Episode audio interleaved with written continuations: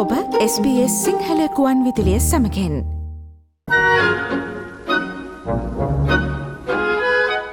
විශ්ව සාහිත්‍යයේ සිංහල සාහිත්‍ය නිර්මාණ තැබූ මං සලකනු සායන බුද්ධීමය සංවාදය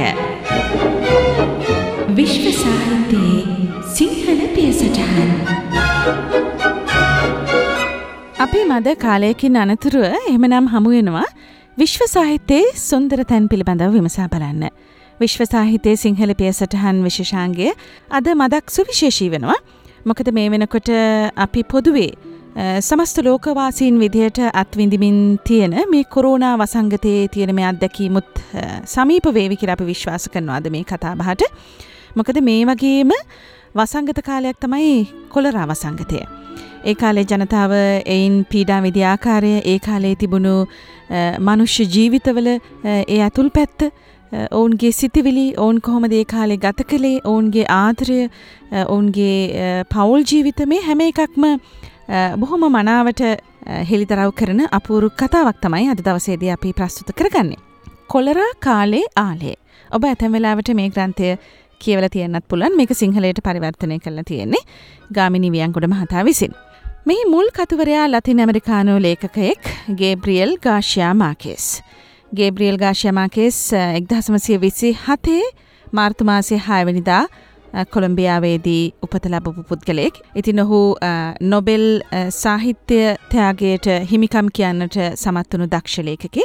ඔහුගේ love in the time of cholera cholera කාලයාලේ කියන කෘතිය තමයි අද අපේ කතාවට ප්‍රස්තුත වන්නේ. සුපුරුදු විදිහට මේ සාකච්ඡාවට අපිත් එක්ක සම්බන්ධ වෙනවා මෙල්බනුවරින් දිලිනීරියවල දිලිනී ශ්‍රී ලංකාවේදී මේ විශ්ව සාහිත්‍යය පිළිබඳව යම් හැදෑරීමක් කරලා මෙල්බන් වලට ආපු කෙනෙක් ඒ වගේම මෙහි ප්‍රජාපුවත් පත්වලට ලිපි සපයන ලේඛිකාවක්. ආයිබෝවන් දිල්නි. අපි මුලින්ම ගේබ්‍රියල් ගාශයමාකෙස් පිළිබඳව කෙටියෙන් හැඳින්වීමක් කරමු සුපුරුදු ලෙසින් අපේ සාකච්ඡාවේ මුල් අතීර විදිහට. මා කලින් සඳහන් කරපු ආකාරයට එක්දාසමසි විසිහතේ මාර්තු හයවනිදා කොළඹියාවේදී ඔහු උපත ලැබුවා වයසවරුදු අසූ හතක් ආයු වලඳල තමයි ඔහු මෙලවින් සමුගත්තේ. ලෝකප්‍රකට සම්භාව ගනේ නවකතා ගණනාවක්ම රචනා කරපු නවකතාකරුවෙක් එවගේම කෙටිකතා රචකයෙක්. එක්දහසමසි අසූ දෙකේදී නොබෙල් සාහිත්‍ය ත්‍යයාගේට පවා හිමිකම් ලබන්නට සමත් වනු දක්ෂලේකකෙක්.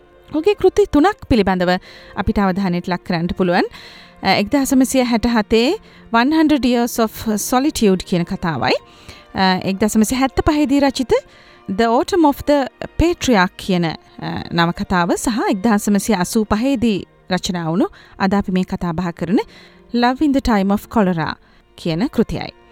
මේ ගේබ්‍රියල් ගාශයා මාකෙස්ගේ නවකතා ශෛලිය ලෝක සාහිත්‍ය කරණය වර්ග කෙරෙන්නේ ඉන්ද්‍රජාලික යථාර්ථවාදී කෘතිීන් විදිහට මැජික් ක්‍රියලිසම් කියල ඔබ හලත් ඇති ඉතින් මේ කෘති ගණයට වැටෙන ඔහුගේ මේ කෘතිවලින් පාටකයට ලබා දුන්න රසස්වාදය අති මහත්.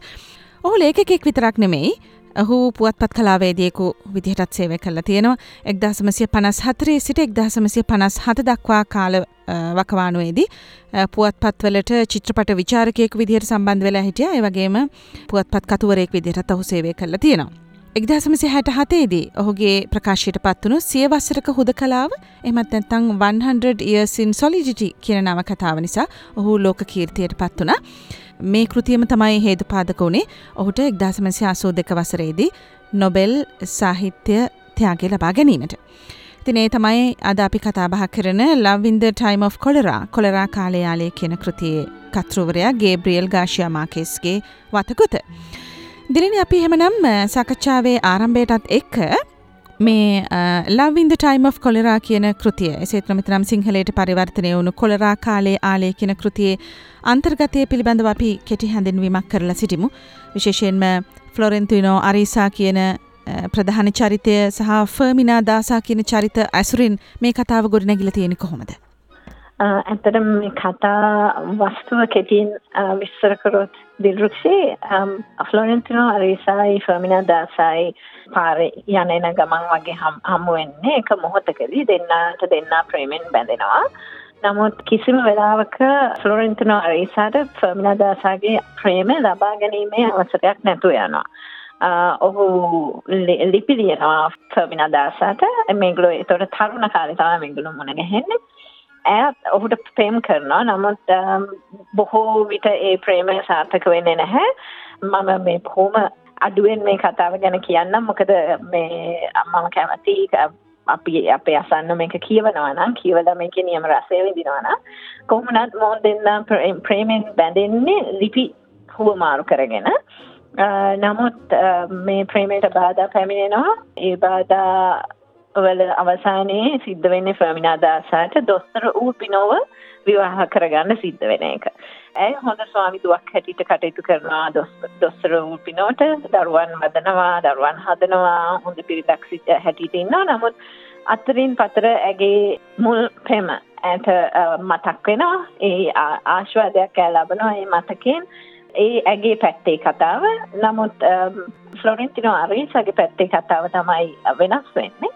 ඔහු දිගින් දිගටම ඇයට ආදරය කරනවා. ඔහු විවාහ වෙන්නේ නැහැ. දිගින් දිගටම ඇයට ආදරය කරනවා. කාලය ගෙවිල යනවා. මේ අතරේ ඔහු උත්සාහ කරනවා. දොස්තර උර්බිනෝට වඩා පොහොසත් මිනිසෙක් වෙන්න. ඔහු විවිධ ව්‍යාපාර කටයුතු වල යෙදෙනවා. මේ කාලය ගෙවී යනවත් එක්කම ඔහුගේ කොණ්ඩය හැලෙන්න පටන් ගන්නවා. ඉතින් ඔහු එතකොට වික්ෂිප්ත භාවයට පත් වෙනවා. මේවා බොහොම සියුම් දේවල්. ඇත්තටම මේ ඊට පස්සේ ඔහු කොණ්ඩේ වවා ගන්න පුළුවන් තරම් උපරිම උත්සාහවල් දරනවා එක එක විදිහේ බෙහෙත් අරගන්නවා ඔයගේ දේවල් කරනවා. මේ සියලු දේ ඇතුලේ තියෙන්නේ ෆර්මිනා මට ඕනේ කියන හැඟීම. මොහොත් මොහොතුල හැම තිස්සෙම පවතී බලපවත්වන්නේ ඒ හැඟීම. ඔහුට ෆර්මිනා කෙරෙහි ඔහු තුළ ඇති ප්‍රේමය. මේ අතරේ කොලරාව ඇති වෙනවා. කොලරාව සංගතය මේ පැතිරීල යනවා දුස්සරු බිනෝ කොලරා රෝගීන්ට බෙහෙත් කරන්න යනවා ඔය වගේ දේවල් සිද්ධ වෙනවා කොහොම වුණත් අවුරුදු පහ පනස් එකක කාලයක ඇවෑමෙන් දොස්තරු බිනෝ මේ යනවා ඒ මියගේ මොහොතේ අරිස හිතනවා මේ වෙලාව තමයි මට මගේ ප්‍රේම ප්‍රකාශ කරන්න තියෙන හොඳම වෙලාව කියලා ඔහුගෙන් ෆර්මිනා දාසට ප්‍රේම ප්‍රකාශ කරනවා. එතනින් එහාට සිද්ධ වෙන්නේ මොකද්ද? එතනින් එහාට වෙන්නේ මොන විදිය දෙයක්ද කතාව තුළ වෙන්නේ? චරිත ගොඩ නැගෙන්නේ චරිත බිඳ වැටෙන්නේ කියලා මේ අසන්නන් පොත කියවලාම දැනගන්නවා නම් වඩා හොඳයි. දැන් අපි මේ love in the time of cholera cholera කාලේ ආලේ කියන කෘතිය පිළිබඳව කතාබහ කරද්දී මුලින්ම සඳහන් කිරීමක් කලා මේක මේ ඉන්ද්‍රජාලික යථාර්ථවාදී කෘතියක් විදිහට වර්ග කිරෙන කෘතියක්. මැජික්‍රියලිසම් ගනයට අඇත්වෙන කෘතියක්. එතකොට දැන් මේ ශෛලිය කොහොමද මේ ගේබ්‍රිල් ගාශයමාකේස් යොදාගෙන තියෙන්නේ මේ කොලරා කාලේ ආලේ කියන කෘතියට ඔහුගේ මේ පොදු ලක්ෂණ මොනවද ඔහුගේ මේ කෘතියෙන් විද්‍යමාන වන. ගාසියා මාකේස් කියන්නේ ඇත්තටම මැජික් රියලිසම් ආශ්‍රිතව පොත් ලියපු නවකතා නිර්මාණය කරපු නිර්මාණකරුවෙක් ඔහුගේ මැජික් රිලිසම් පිළිබඳව හොඳම නිදස්සුන ඇත්තටම තියෙන්නේ මේ 100 years of solitude කියන කෘතියේ කොලරා කාලේ යාලි කෘතියේ අපිට මැජික් රිලිසම් දකින්න ලැබෙන බොහොම සුළුවෙන් කියලා මට කියන්න පුළුවන්. මේක අපි සියලු දෙනාට ඉතා සමීප වෙන කෘතියක්. යථාර්ථය හා මායාව අතර සම්මිශ්‍රණයක් පොත තුළ තියෙනවා නැත්තේ නැහැ. ඔහු ලියන ලිවීමේදී. මං හිතන්නේ ඔහුට මේක ඇවිල්ලා තියෙන්නේ ලතින් ඇමරිකාවේ තියෙන ජීවන රටාවයි සහ ඔවුන් තුළ පවතින මිත්‍යා විශ්වාසත් එක්ක. ඇත්තටම ඔහු උත්සාහ කරන්නේ මට හිතෙන්නේ ලතින් ඇමරිකාවේ සංස්කෘතිය සහ චින්තනය සහ විශ්වාස අපිට ලෝකෙට හඳුන්වා දෙන්න. මේ යථාර්ථය හා මායාව අතර සම්මිශ්‍රණයක් කරලා ඔහුගේ ලිවීම තුළ දැන් මේ දවස්වල මේ මේ අපි අපිත් ඉන්නේ වසංගත කාලෙක. මේ කොරෝනා වසංගතය ඇවිල්ලා මේ අපිත් ඉන්නේ වසංගත කාලෙක. දැන් අපි ලෝකයට විවෘත වෙච්ච කොට්ටාශයක් හැටියට මේ ඕස්ට්‍රේලියාවේ ජීවත් වෙමින් අපි ඇත්තටම මේ මිත්‍යාවයි යථාර්ථය අතර මේ අපේ තියෙන දෝලනයේදී අපි සමහර විට අපේ අපි දෝලනය වෙනවා ගොඩක් යථාර්ථය පැත්තට මිත්‍යාවට වඩා. මොකද අපි ලෝකයට ඇරිච්ච පිරිසක් නිසා දැන්. නමුත් දැන් අපි ගෙවල්ලට කෝල් කරොත් අම්මලා තාත්තලා අපි වැඩිහිටියෝ අපිට කියන්නේ රතන සූත්‍රය දාන්න ධර්මය අදහන්න ධර්මය පිළිපදින්න. හැමතිස්සෙම මේ රතන සූත්‍රය කියන්න තුන්බිය දුරු කරේ රතන සූත්‍රයෙන්. එහෙම කියලා තමයි කියන්නේ. ඒක මිත්‍යා විශ්වාසයක් කියලා මම කියන්නේ නෑ. ඒක මට හිතෙන්නේ ඇදහිල්ලක් බවට පත් වෙලා තියෙන්නේ. ඉතින් ඒ වගේ තත්ත්වයක් ඇත්තටම දැන් අපේ ලංකාවේ විදිහේමයි ලතින් ඇමරිකාවෙත් ඒ බඳු තත්ත්වයක් තියෙනවා.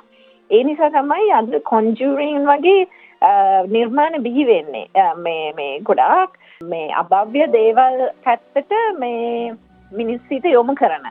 ඉතින් මේ වගේ දේවල් ප්‍රශ්න කරන මේ වගේ දේවල් අගය කරමින් සහ ප්‍රශ්න කරමින් සහ එවැනි දේවල් වලට සාහසික ලෙස හිනා වෙන්නේ නැතුව ලියන ඉතාමත්ම මේ සමබර ලේඛකෙක් හැටියට මේ ගාසියා මාකේස් ඔහුගේ ලිවීම කරගෙන ගියා.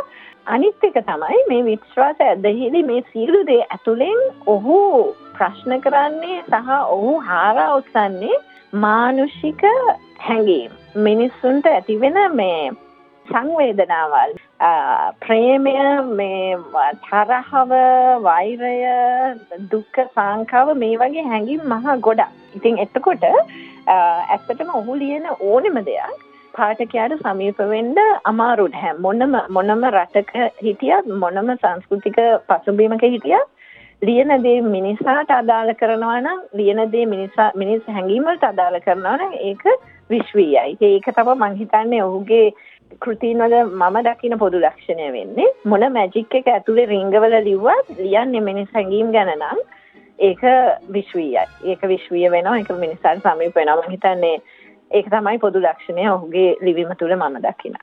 හොඳයි දැන් අපි මේ සාකච්ඡාවට බඳුන් කරන ගේබ්‍රියල් ගාශයා මාකෙස්ගේ Love in the Time of Cholera කියන කෘතියේ මේ චරිත ගොඩනැංවීම පිළිබඳව අපි යම් පැහැදිලි කිරීමක් කරමු දිලිනි.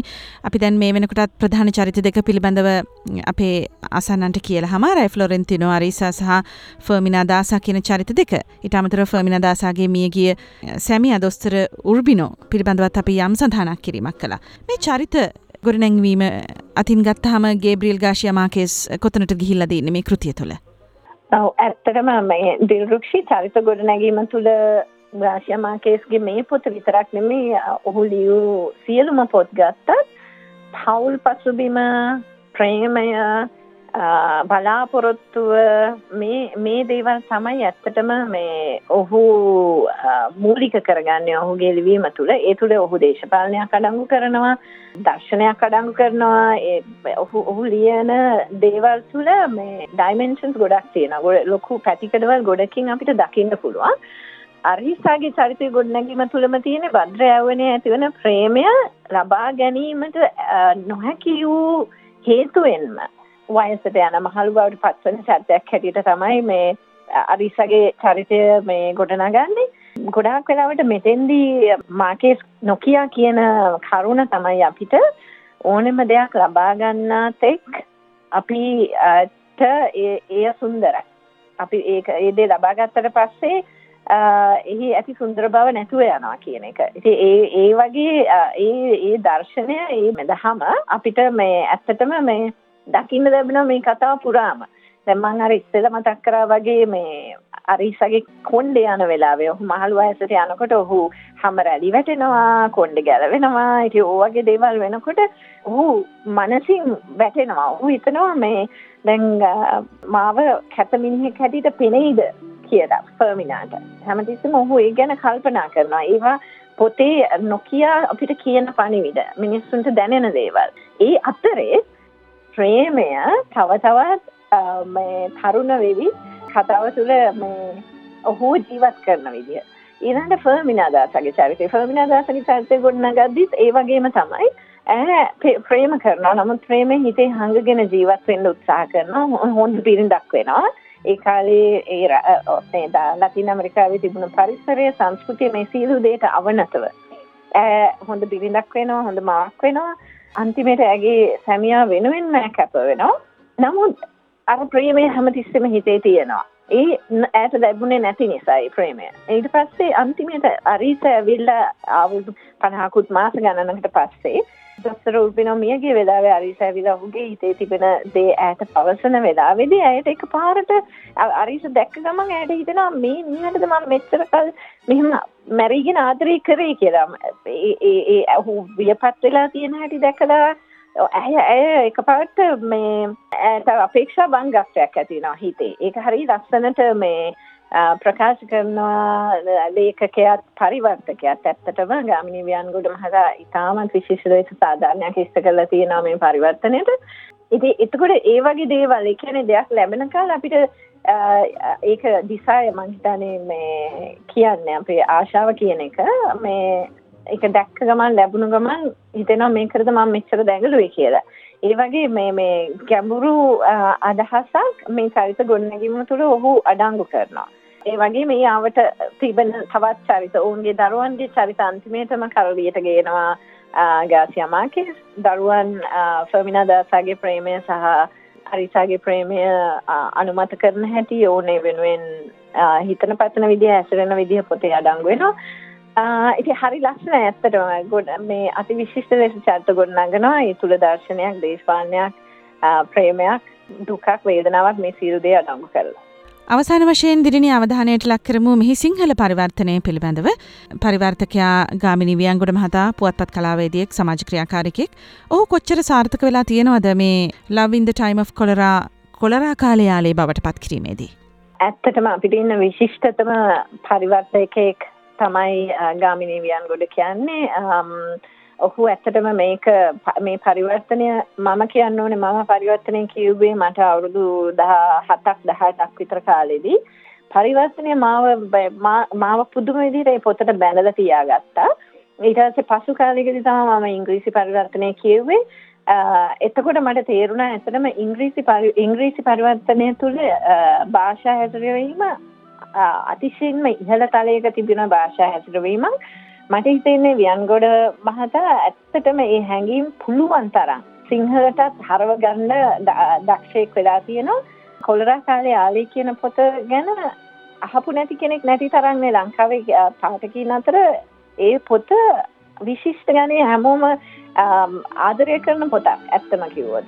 කොලරා කාලේ ආලේ සිංහල පරිවර්තනය අපි ආදරය කරන පොතක් බවට පත් කරේ ඇත්තටම ගාමිණී වියන්ගොඩ මහතාගේ විශිෂ්ට පරිවර්තන හැකියාව. ඉතින් ඒ පොතට අපි ආදරය අද ආදරය කරන්නේ සිංහලෙන් කියවලා. පස්සේ තමයි අපි දැනගන්නේ සමහර විට ඉංග්‍රීසි පරිවර්තනය සහ මේ ලතින් ඇමරිකානු නිර්මාණය එම ලේඛකයාව ගෙනිච්ච කියලා නොබෙල් සාහිත්‍යය දක්වා දුරක්. අපි ඒ කිසි දෙයක් දන්නේ නැතුව තමයි පොතට ආදරය කරන්නේ. ඒකට තනිකරම හේතුව වෙන්න ඕනේ පරිවර්තකයාගේ දක්ෂකම. හොඳයි මනම් අපි ස්තුතිවන්ත වෙනවා දිරිනි මෙවරත් සාකච්ඡාවට සම්බන්ධවීම පිළිබඳව විශ්ව සාහිත්‍ය සිංහල පියසටහන් තුළින් අද අපේ අවධානයට ලක්වුණේ නොබෙල් සාහිත්‍ය ලාබී ලතින් ඇමරිකානු ලේකක Gabriel ගාශයමාකෙස්ගේ love in the time of cholera Sinhala පරිවර්තනය ගාමිනි වියන් ගොඩ විසින් පරිවර්තනය කරන ලද කොලරා කාලයාලේ කෘතිය පිළිබඳව. දිරිනි බොහොම ස්තුතියි එමනම් අපි නැවතත් මෙවැනි වූ සාකච්ඡාවාරයකින් යළිත් හමුවමු. අයිබෝවන් අයිබෝවන් දෙරක්ෂි. සියලුම් දෙනාට ආරාධනා කරන අපේ වෙබ්බඩවියට යන්න sps.com.tu සිංහලිස් මේ සාකච්ඡාව වෙබඩවිය තියෙනවා නැවතවතාවක් සවන් දෙන්නට පුළුවන්. යළිත් මාසයක මෙවැනි වූ කෘතියක් සමගින් හමුවමු. අයිබෝවන්. විශ්ව සාහිත්‍යයේ සිංහල පියසටහන් සොයා යන සාහිත්‍යමය චාරිකාව. සෑම දෙමසකටම වරක් අවසානාගාරවාදා SBS සිංහල ගුවන් ඉදිරියෙන්. මීට පෙර විකාශය වූ විශ්ව සාහිත්‍යයෙන් වැඩසටහන් වලට සවන් දෙන්නට පිවිසන්න අපගේ වෙපඩවයට. sps.com.tu සිංහලිස්. මේ වගේ තවත්තොරතුරු දැනගන්න කැමතිද. එහමනම් Apple podcast Google podcast Spotify ඔබගේ පොඩ්කාස්ට ලබාගන්න ඕනෑම මාධ්‍යයකින් අපට සවන්දය හැකේ.